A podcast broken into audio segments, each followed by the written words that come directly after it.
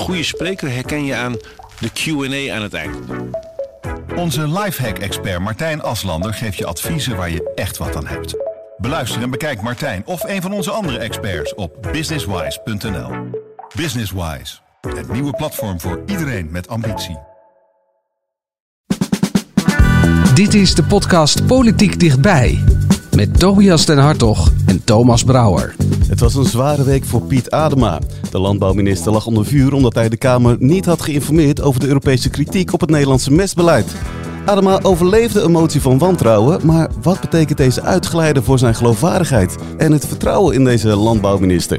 En eind vorig jaar maakte premier Rutte excuses voor het Nederlandse slavernijverleden, maar hoe zit het nu eigenlijk met die herstelbetalingen? En krijgen we straks een extra vrije dag? Dat en meer bespreek ik met Tobias van Hartog en Marcia Nieuwenhuis. Ja Marcia, het ging deze week eh, veel over sorry zeggen. Wat is de laatste keer dat jij sorry hebt moeten zeggen? Oeh, goeie vraag. Ik, ik zeg geloof ik te weinig sorry. Oh, Oké, en hoe is dat eigenlijk bij jou, eh, Tobias? Ik zeg heel makkelijk sorry. Ik, ik zit een beetje in het spectrum, denk ik, dichter bij Rutte. Dus bij mij is een sorry is zo gezegd. En ik meen hem ook vaak nog hoor. Dus, ja, eh, komt hij een beetje geloofwaardig over als hij sorry zegt, Marcia? Maar vind ik wel, ja, vind ik wel. Goed, we gaan het straks eh, uitgebreid hebben nog over de sorry van eh, Piet Adema. Waar we het ook over gaan hebben is de kloof in Nederland. Want Nederland kampt met een diepe verdeeldheid tussen de Randstad, platteland en de politiek. Dat blijkt uit onderzoek van het AD en Nieuwe Oog. Straks schrijft uh, collega Chris van Mersberg aan om alles daarover te vertellen. Maar er was meer nieuws deze week. voor eh, het eh, geval van de informatie aan de Kamer. Maar vooral ook aan al die boerengezinnen bied ik mijn ex- excuses vandaag aan. Ik hoor de minister zeggen, ik wil mijn excuses maken aan de boerengezinnen. Maar ik zou eigenlijk ook de excuses willen hebben eh, van de minister aan de Kamer. Dus misschien dat nog even iets duidelijker zeggen. Eh, u refereert me aan de excuses. Misschien heb ik het niet helemaal goed geformuleerd. En ik heb gezegd, ik bied voor, daarvoor de Kamer en ook vooral de boeren excuses aan. Maar ik zou graag, maar misschien komt dat later in het betoog van de minister nog... een excuses willen hebben voor het niet informeren van de Kamer. Ja, mevrouw Bromet, maar... eh, sorry, eh, ik had dat na het Kamerdebat dat we dus hebben aan de Kamer moeten melden. Dat is niet gebeurd. Daarvoor mijn excuses. Ja, het moest een paar keer over. Landbouwminister Piet Adema die moest deze week diep door het stof... omdat hij de Europese zorgen over het Nederlandse mestbeleid... niet tijdig aan de Kamer had gemeld.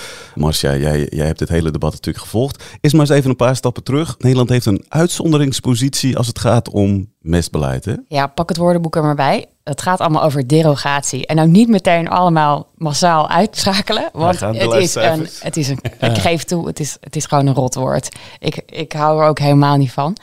Maar eigenlijk komt het erop neer dat Nederland relatief goed eh, grasland heeft, waardoor je ook veel stikstof opneemt. En daardoor hebben wij jarenlang, al sinds 2006, een soort uitzonderingspositie gekregen. We mochten dus meer mest uitstrijden over dat land dan andere Europese landen. Probleem was alleen dat we dan wel aan voorwaarden moesten voldoen. Het eh, mocht geen nadelige gevolgen hebben voor het milieu. En daar gaat het de laatste jaren vaker mis, want het is heel erg droog. En daardoor nemen we eigenlijk niet meer zoveel stikstof op in de grond als dat ooit geweest was. Dus gaat het water achteruit. De grondwaterkwaliteit, eh, het, gaat, het wordt gewoon slechter. En het is zelfs zo slecht dat we echt bij de slechtste jongetjes van de klas horen. Samen met Vlaanderen onder andere. Het gaat hier gewoon niet goed. En daarom wil Europa er ook vanaf. We, we, we moeten in 2027 zelfs aan hele strenge eisen voldoen voor dat water.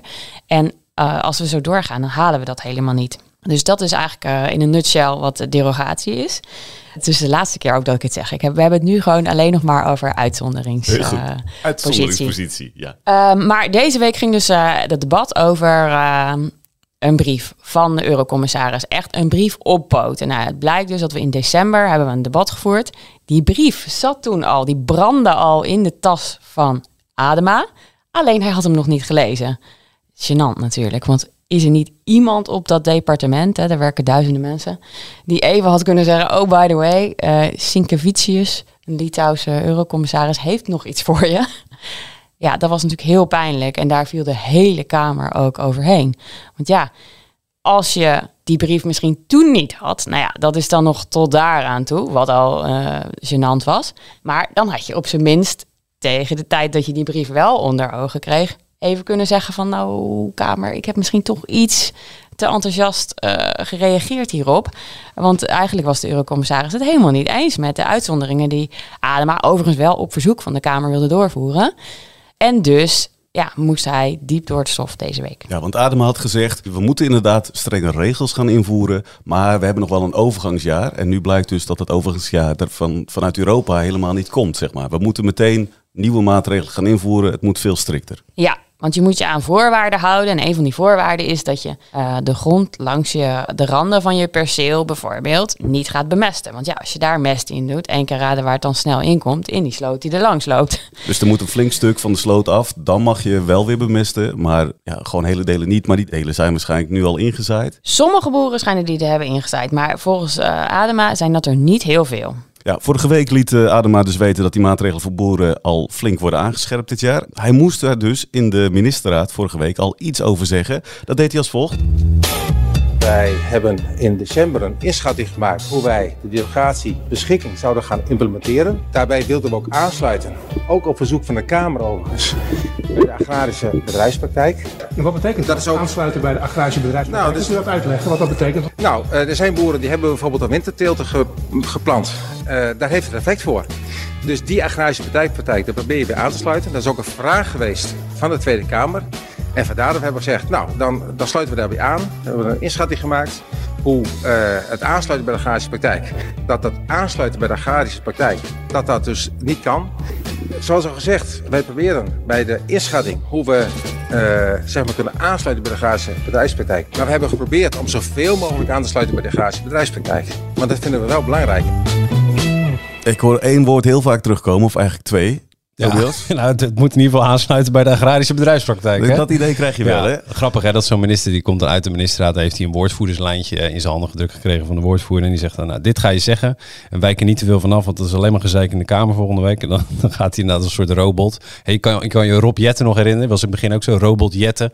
Gaat hij dat opstaan dreunen, echt twintig keer. Overigens, hij bleef wel heel lang staan bij dat touwtje. Ik stond erbij en dat, nou ja, dat siert hem dan wel weer, dat hij echt wel probeerde antwoord te geven op, uh, op vragen. Maar het was uh, nogal mechanisch allemaal. Maar even, als je uit de ministerraad komt en iedereen wacht op dat moment. En je, en je komt dan met derogatiebeschikking implementeren, uitzondering op de agrarische bedrijfspraktijk. Het was toch het, was, het viel ja. mij wel echt tegen hoor. Nou, ik, ik, voel, ik voelde me vooral gebruikt. Want hij stond duidelijk niet met ons te communiceren. Hij stond met boeren te communiceren. En die wisten heus wel wat hij bedoelde met de winterteelt en met de deroga derogatiebeschikking en zo. Weet je. Dus wij, wij werden uh, handig gebruikt om even te, te communiceren met uh, de, de eigenlijke ontvanger. En dat was vooral van, jongens, ik heb iets geprobeerd te doen. Een uitzondering geprobeerd te, te bevechten in Brussel. En ja, dat is niet gelukt. En nu heb ik ook nog eens een keer een brief gekregen. Dus eerder al, waar die nu bekend is. En waar het bleek dat ik het dan niet had moeten doen. Het was een geitenpaardje, had ik niet moeten doen. Stom, inschattingsfout. Ja, het was vooral volgens mij voor de boeren bedoeld inderdaad. En het was geen, uh, voor, voor, voor Jan Publiek geen sterk verhaal, dat klopt. Maar hoe hebben die boeren eigenlijk gereageerd op dit verhaal van Adema, Masje? Nou, de Land- en Tuinbouworganisatie en ook Agractie, die waren wel heel erg kritisch. Agractie zei bijvoorbeeld, ja, zijn er eigenlijk met deze overheid wel afspraken te maken? En LTO kwam ook met het verwijt van, ja, hoe is het mogelijk dat terwijl die boeren al gezaaid hebben, eigenlijk nog de spelregels worden veranderd?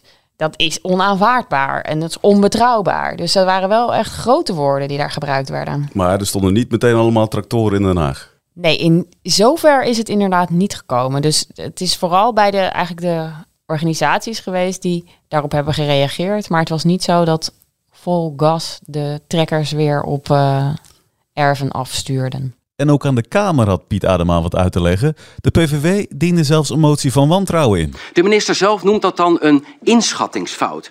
Nou, voorzitter, inschattingsfout, nee, dat is het niet. Het is gewoon een keiharde leugen geweest.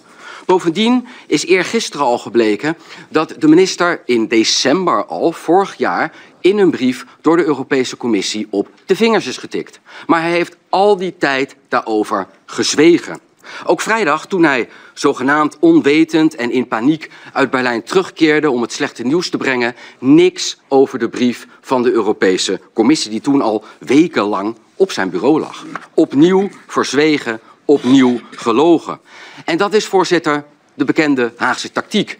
Niet wanneer er stront aan de knikker is, maar pas wanneer die stront aan de knikker niet langer onder de pet gehouden kan worden, worden wij hier geïnformeerd.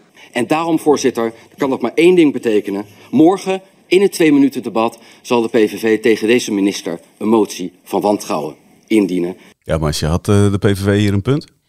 Ik vond dat hij wel, ja, hij koos ook wel bijzonder goede woorden natuurlijk, hè, dat de strand aan de knikker is. Oh. Uh, nee, maar ik, ik, ik vond dat hij hiermee wel duidelijk maakte waar uh, de schoen wringde. En uh, overigens, die motie is inmiddels in stemming geweest, niet aangenomen. 38 van 150 Kamerleden stemden ervoor. SP, BBB, Ja 21, FVD en Groep van Haga steunden de PVV. En Partijen van de Arbeid en GroenLinks, die kwamen met een andere soort optie die eigenlijk helemaal niet bestaat in het parlement, maar die noemde het een gele kaart. Dus die wilde wel even laten merken van nou, uh, we zijn het er niet mee eens en we vinden het niet vrij, maar de motie van wantrouwen ging hen dan net te ver. Uh, die maakte dan voor deze ene keer nog een soort van uitzondering. BBB zei wel van ja, ik ben het niet helemaal eens met dat liegen en bedriegen. Uh, maar het probleem zit er voor ons in dat er bewust cruciale informatie is achtergehouden. En hij maakt het eigenlijk alleen maar erger, omdat hij ook in de Kamer nog zei omdat er anders onrust zou ontstaan, heb ik dus de Kamer niet geïnformeerd. Ja, En dat is wel echt een pijnlijk punt natuurlijk. Want ja, hij realiseerde zich blijkbaar van oei oei oei, ik heb hier iets. En toch heeft hij de Kamer niet opnieuw een briefje gestuurd. Hè? Want dat, dit had allemaal niet hoeven gebeuren. Als hij uh, na die brief had gedacht van nou oké, ik stuur even de Kamer een update van nou er zijn toch wat bezwaren gekomen uit de Europese Commissie en we zien uw uitzonderingsjaar niet zo zitten, dan, dan was het helemaal niet zo zo geëscaleerd. Nee, en hij had zich natuurlijk kunnen verschuilen achter Brussel wil dit. Het is niet iets wat ik wil. Ik heb mijn best gedaan om te kijken naar geitenpaadjes, naar mogelijkheden om hier alsnog uit te komen. Ja, dus dan was het heel anders afgelopen. Maar even in het kader van uh, uh, fair balance dan. Hè. De, de Kamer heeft, als hij mest op zijn kop heeft, heeft de Kamer boter op het hoofd. Hè. Want in dat debat, in, op 20 december, terug in de tijd, toen zat die brief van die eurocommissaris dus al in zijn tas, die hij niet had gelezen, waarin stond, jongen, wat jij, voor, wat jij wil, dat, dat, dat mag helemaal niet. Je, gaat, je gaat hier de mis in.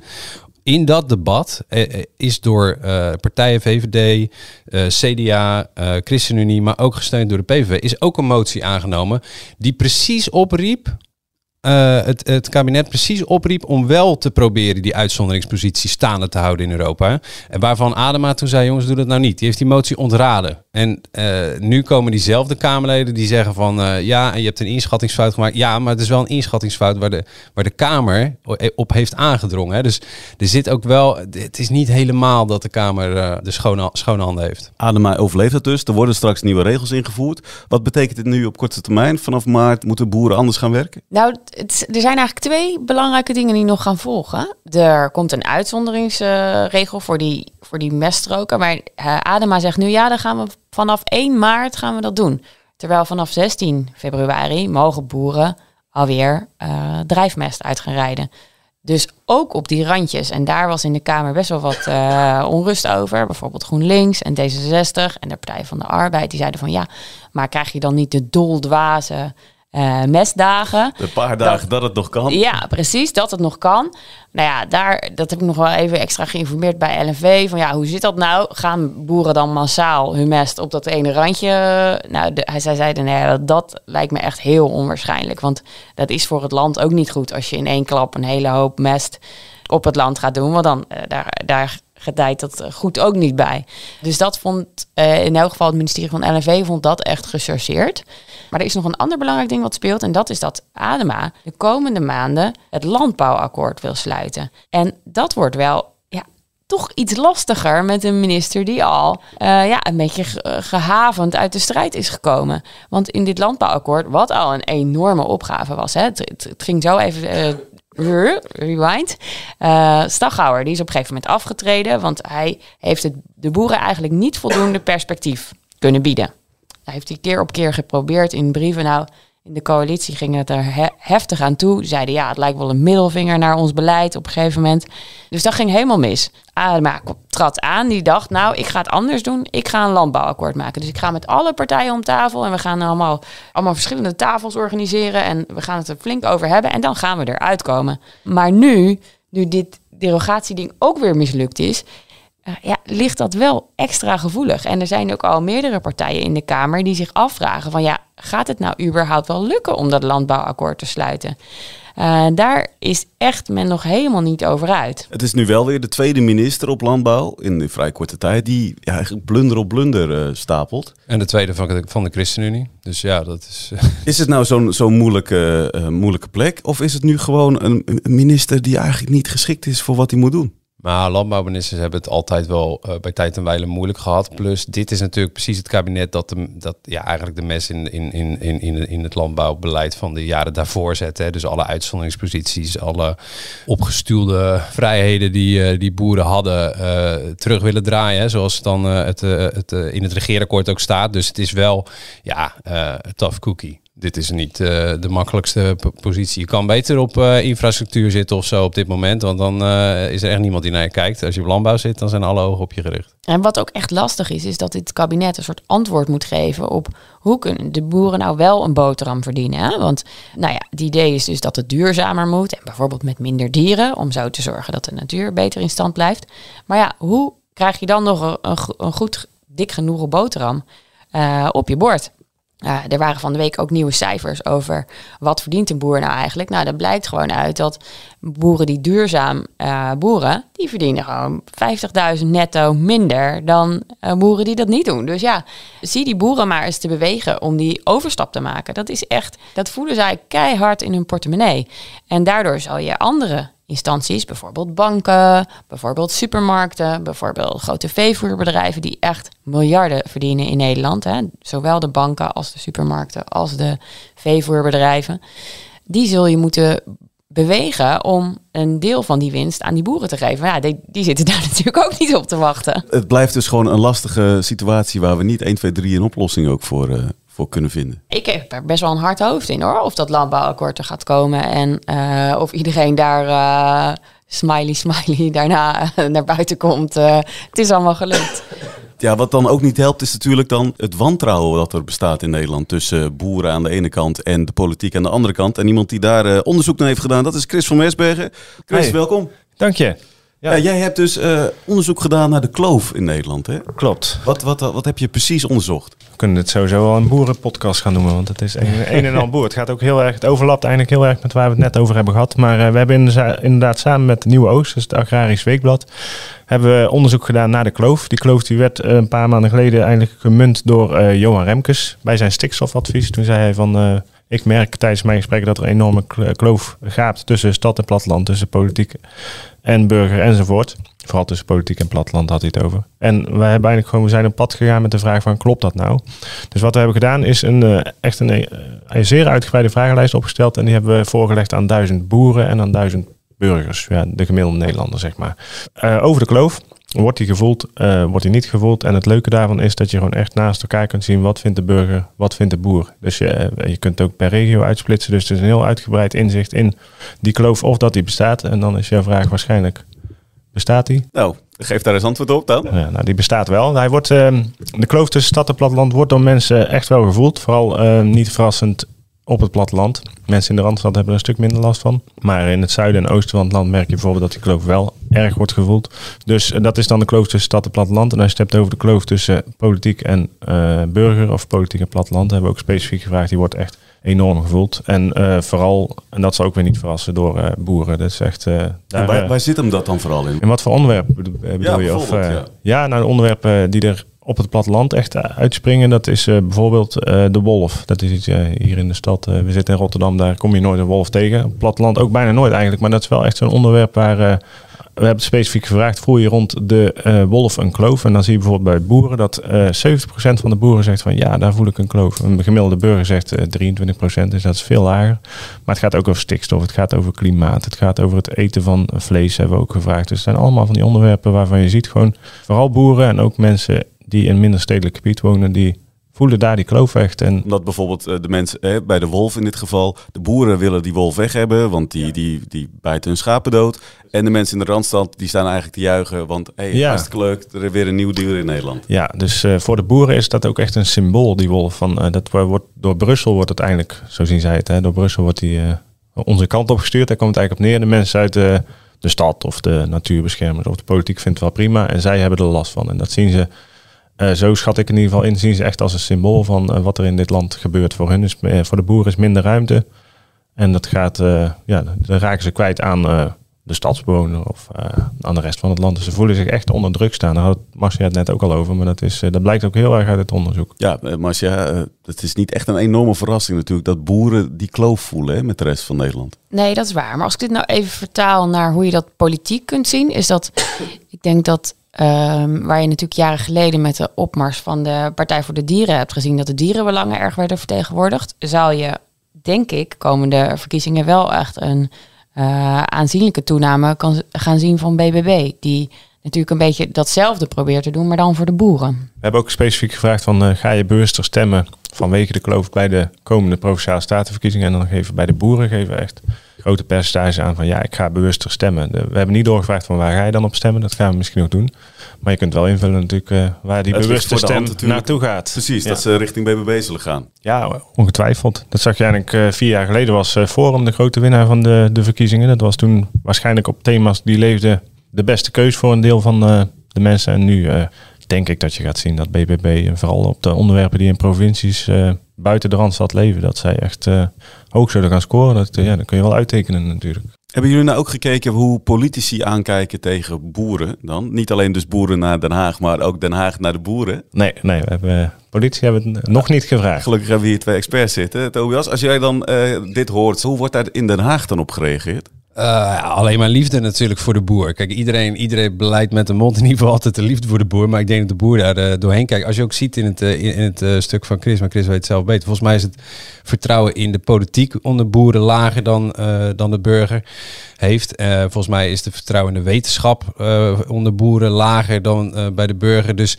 er is de- in, Den Haag worstelt men natuurlijk ook wel daarmee. En je ziet dat, dat ze dus proberen af en toe de boer naar zich toe te halen. Heeft VVD heel erg geprobeerd, heeft CDA heel erg geprobeerd, BBB. Dus iedereen, iedereen weet dat dat, voelt dat dat een factor is om rekening mee te houden. Maar er is wel één klein dingetje natuurlijk. Electoraal gezien is de boer geen geen majeure groep. Dat, is- daar hebben we het over enkele tienduizenden eh, actieve boeren, als ik het wel heb. Die ook niet allemaal zullen gaan Die stemmen ook niet allemaal zullen gaan stemmen. Dus dat, dat, dat vertaalt. Kijk, er de boerensector zelf is natuurlijk veel groter. Maar eh, het is niet een, een, een supergroot electoraat eh, eh, voor, voor, van belang voor veel partijen. Nee, en toch moet je dat denk ik niet onderschatten, omdat ehm, de gemeenschappen waar zij vandaan komen, als je daar eh, naartoe gaat en je praat met de mensen, dan is de meerderheid echt op de hand van de boer. Zeg maar. De steun voor Ja. de boer is daar heel erg groot. En dat is natuurlijk wel iets wat meespeelt. Ja, dan wordt het een machtsfactor. Ja, absoluut. En daarom zie je... De- Research heeft al een peiling gedaan, eh, vorige week, zeven dagen geleden geloof ik. En eh, daar zie je dat de VVD en de combinatie van Partij van de Arbeid en GroenLinks, die gaan eigenlijk nek aan nek als het gaat om welke fractie de grootste wordt in de Eerste Kamer. Is dat dan, hè? Die worden getrapt gekozen. Dus je kiest de Provinciale Statenverkiezingen en die kiezen uiteindelijk weer de Eerste Kamer. Eh, en in het oosten en het noorden, met name in Drenthe en Overijssel, kan BBB ook meedoen om de eerste plek. En in Limburg geldt dat voor de PVV. Je ziet ook dat, dat zie je al traditioneel, hè, dat daar, eh, ik geloof in Venlo, stemt al een derde op de PVV. Nou ja, je ziet wel dat, dat er echt een, eh, een verschil aan dreigt te komen in elk geval. Ja, en zou dat dan die kloof nog meer versterken, verwachten jullie? Nou, ik vind zelf dat bij de Partij voor de Dieren, daar zie je wel dat alle partijen daarna ook meer eh, oog zijn gaan hebben voor dierenbelangen. Waardoor er wel echt een, een, ja, een, soort andere wind is gaan waaien als het gaat om eh, dierenbelangen. Denk ik, sinds de oprichting van die partij. En dat is ook een beetje wat eh, Caroline van der Plas mij wel eens heeft verteld. Als ja, waarom zij BBB heeft opgericht. Van dat wat de Partij voor de Dieren heeft gedaan. Dat wil ik eigenlijk ook gewoon doen, maar dan voor de boeren. En dan zou je dus de, de kloof meer kunnen dichten. Doordat andere po- eh, politieke partijen, die zich van nature misschien wat minder in zouden zetten voor het belang van de boeren, daar wat meer rekening mee zouden kunnen houden. Is dat, begrijp ik Ja, dat goed? kan. Als, al hoor ik wel, bijvoorbeeld gisteren in het debat kwam er ook weer zoiets voorbij. Eh, toen begon zij heel erg over dat er een bepaalde soort mos op de Veluwe. Nou, die, die deed ineens uitstekend, weet je wel. Ja, dan denk ik ook wel van ja, maar ja, dat is ook wel heel gechargeerd, weet je wel. Omdat er één mosje het goed doet op de Veluwe. eh, ja, dan zou het ineens allemaal niks aan de hand zijn. Dus het lijkt me wel goed om daar nog eventjes extra goed naar te kijken van... Ja, in hoeverre is het ook echt zo wat er gezegd wordt, weet je wel? Want het is gewoon zo dat er dieren en eh, insecten, dat, daar gaat het gewoon slecht mee. Weet je wel? Ook al doet dat ene mosje het misschien goed. Ja, laten we wel wezen, we horen niet voor niks tot de slechtste jongetjes van de klas als het gaat om de waterkwaliteit. Ja, zijn er vanuit de, de mensen die jullie hebben gesproken eigenlijk nog oproepen naar politiek van joh, dit en dit, dat zou kunnen helpen om mij wat meer te, te betrekken, om mij wat meer gehoord te voelen? Uh, nou, sowieso, uh, wat je heel erg terugmerkt, is dat um, het klimaat van het politieke debat wordt echt uh, heel afkeurend op gereageerd. Het is niet onder, eerste onderzoek wat het zegt, maar het is weer een grote meerderheid van stop nou eens met alleen maar op de vorm en het ruzie maken en ga nou eens praten over de inhoud. Dus dat hoor je heel erg terug. Aan de andere kant, als je net die vraag stelt van is dit een oplossing dat bijvoorbeeld ook de boeren zich vertegenwoordigd voelen, wat je natuurlijk gaat krijgen, en dat is een beetje paradox, is dat je iedere groep zijn eigen politieke partij gaat kiezen. Want nu gaan de boeren voor de BBB en de Partij voor de Dieren heb je. De versnippering wordt alleen maar groter, zeg maar. Dus terwijl mensen willen dat het eigenlijk meer. Want je, je merkt echt door de antwoorden van het onderzoek één van we moeten weer de kloof dichten. Maar wat mensen gaan doen is eigenlijk in hun eigen belang stemmen. Dus dat, is, dat vind ik echt wel een rare paradox. Want dan ga je bij de statenverkiezingen natuurlijk ook zien. Die versnippering die wordt alleen maar groter, denk ik. Tenminste, daar, daar lijkt het op, toch? De, dat... GroenLinks en Partij van de Arbeid gaan samen nou, doen. Dat, scheelt, geval, dat is in ieder geval iets. Dat scheelt weer één maar partijtje. Goed, maar dat is altijd wel een beetje de paradox. Mensen willen eigenlijk wel dat we weer me, meer met elkaar gaan praten. Maar het zijn wel steeds meer uh, partijtjes die met elkaar moeten gaan praten. Dus dat is... Uh, vind ik altijd lastig. niet makkelijker. Tobias, nog Ja, een, het is een, een coalitieland ook. Hè? Ja. Dus uh, de, zoveel, uh, zoveel partijen, zoveel mensen teleurgesteld, uh, kun je ook zeggen. Want uiteindelijk zullen er gewoon coalities moeten komen. Iedereen moet water bij de wijn doen. Uh, en uh, dat, dat, dat zag je bijvoorbeeld ook bij die winst van Forum. Voor zover ze het, zelf niet hebben verziekt door helemaal te verkruimelen door ruzies. En mensen die het niet eens waren uiteindelijk toch met Baudet die, die andere sprongen ging maken. Kijk, uiteindelijk kwamen die ook gewoon in coalities terecht. En ik, ik moet de eerste gat in de grond nog zien waarvan Forum kon zeggen... kijk, hier moest een windmolen komen en die hebben wij tegengehouden. Dat, dat bestaat gewoon niet. Want je gaat uiteindelijk gewoon concessies moeten doen. En dat geldt ook voor BBB als ze groot worden. Ja, en ik denk wel dat als je, uh, het blijft een partij, zeg maar een uitzonderingspartij, want wat Chris ook zegt, ja, de grote beweging, en boeren, boeren kunnen daar weerstand tegen, maar de grote beweging is wel dat er op stikstof wordt ingegrepen, dat er in de veestapel wordt ingegrepen en dat er aandacht is voor klimaat. Ja, dat ga je ook uh, uh, als, als Gallisch dorpje, als je dan BBB bent, niet, niet tegenhouden, denk ik. In de Tweede Kamer werd deze week gedebatteerd over de excuses die het kabinet in december aanbood voor het Nederlandse slavernijverleden. De meeste partijen zijn blij met die excuses, maar die hebben wel vragen over het vervolg, zoals dat beloofde fonds van 200 miljoen euro. Dat deze excuses al langer nodig waren volgens de SP, dat is ook geen geheim. Dat wij hier al decennia op aandringen in initiatieven voor nemen, is ook geen geheim. En deze excuses hebben vele vaders, vele moeders, vele gedachten. Maar tegelijkertijd is de het vervolg na de komma wel nog vaag. En ik lees net een stuk waarin een ambtenaar zegt dat die 200 miljoen toch een beetje plan zoekt geld is. Of nee, geld zoekt plan is, andersom. Ik vind dat toch jammer. Ik blijf dat jammer vinden. En ik roep de regering op om te zorgen dat die 200 miljoen op een goede manier wordt besteed. Aan bewustwording, niet de usual suspects. Ook niet mensen vergeten, groepen vergeten, zodat we daar eindeloos uh, polarisatie over krijgen. Even voor de duidelijkheid, die 200 miljoen, dat was bedoeld door het kabinet om uh, de bewustwording rond het Nederlandse slavernijverleden, om daar meer werk van te gaan maken. Ja, precies. Dus je hebt uh, in december heb je de excuses gehad van, van Mark Rutte, hè, meertalig hè, over wat, wat de, de, Nederlandse aandeel in het, in het koloniale verleden is geweest. En daar sorry voor gezegd, dat ging gepaard met 229 miljoen euro, waarvan die laatste 29 miljoen euro bestemd is voor een museum.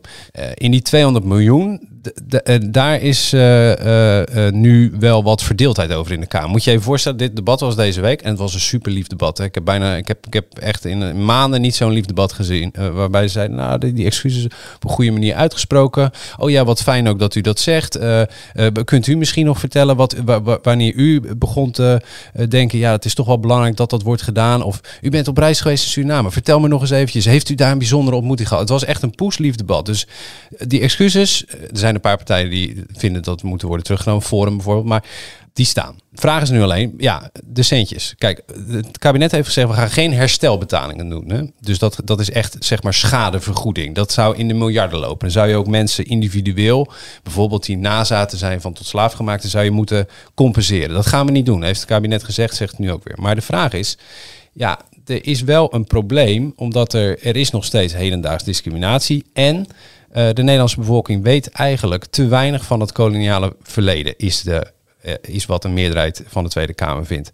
Dus is er op de achterkant van een bierviltje, hè, zo is me verteld door een, eh, een ambtenaar van de week, is eigenlijk die, die 200 miljoen tot stand gekomen. Zo van, nou, je kunt 8 miljoen steken in een comité en je kunt 50 miljoen nou, ongeveer voor educatie. En dan wil je nog geschiedenisboeken en je wil misschien ook wel wat kunstwerken die te maken hebben met slavernijverleden. Je wil misschien wel wat monumenten ofwel neerzetten ofwel oppoetsen. Nou, zo'n beetje soms begint zoiets ook gewoon op de achterkant van een bierveeltje. Is dat, is dat berekend? En nu is de vraag, ja, wat gaan we, uh, wat gaan we nu precies doen en, uh, met dat geld? En uh, daar zit nog wel wat ongemak. Want het is, wat Renske Leijten zegt, klopt. Het is wel een beetje geld zoekt een goed plan in plaats van plan heeft, goed, heeft geld nodig.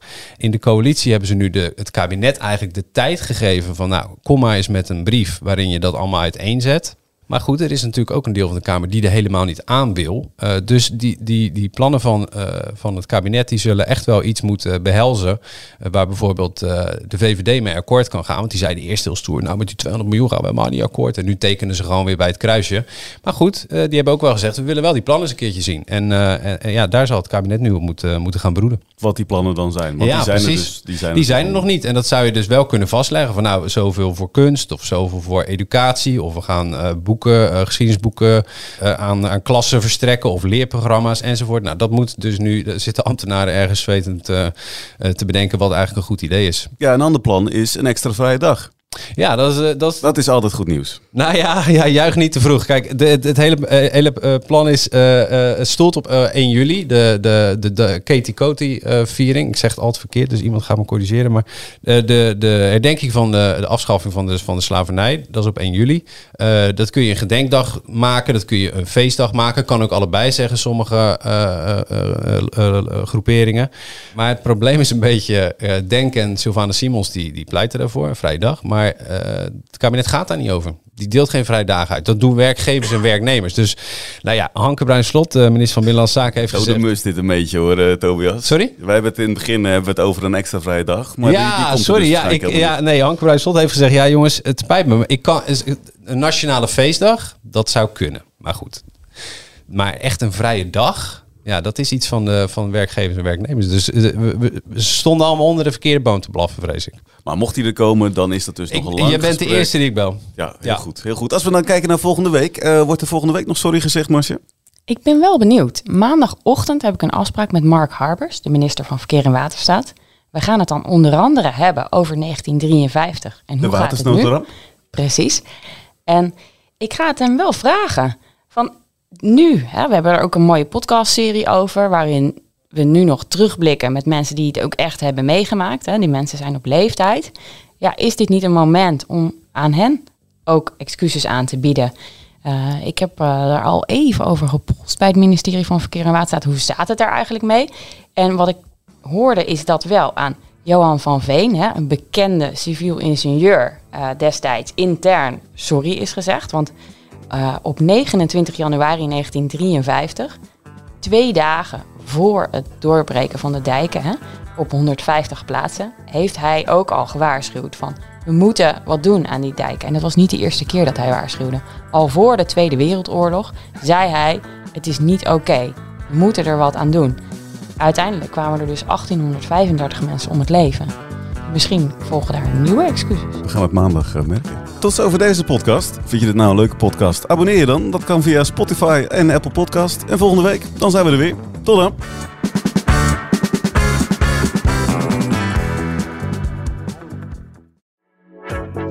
Een goede spreker herken je aan de Q&A aan het eind. Onze lifehack-expert Martijn Aslander geeft je adviezen waar je echt wat aan hebt. Beluister en bekijk Martijn of een van onze andere experts op businesswise.nl. Businesswise, het nieuwe platform voor iedereen met ambitie.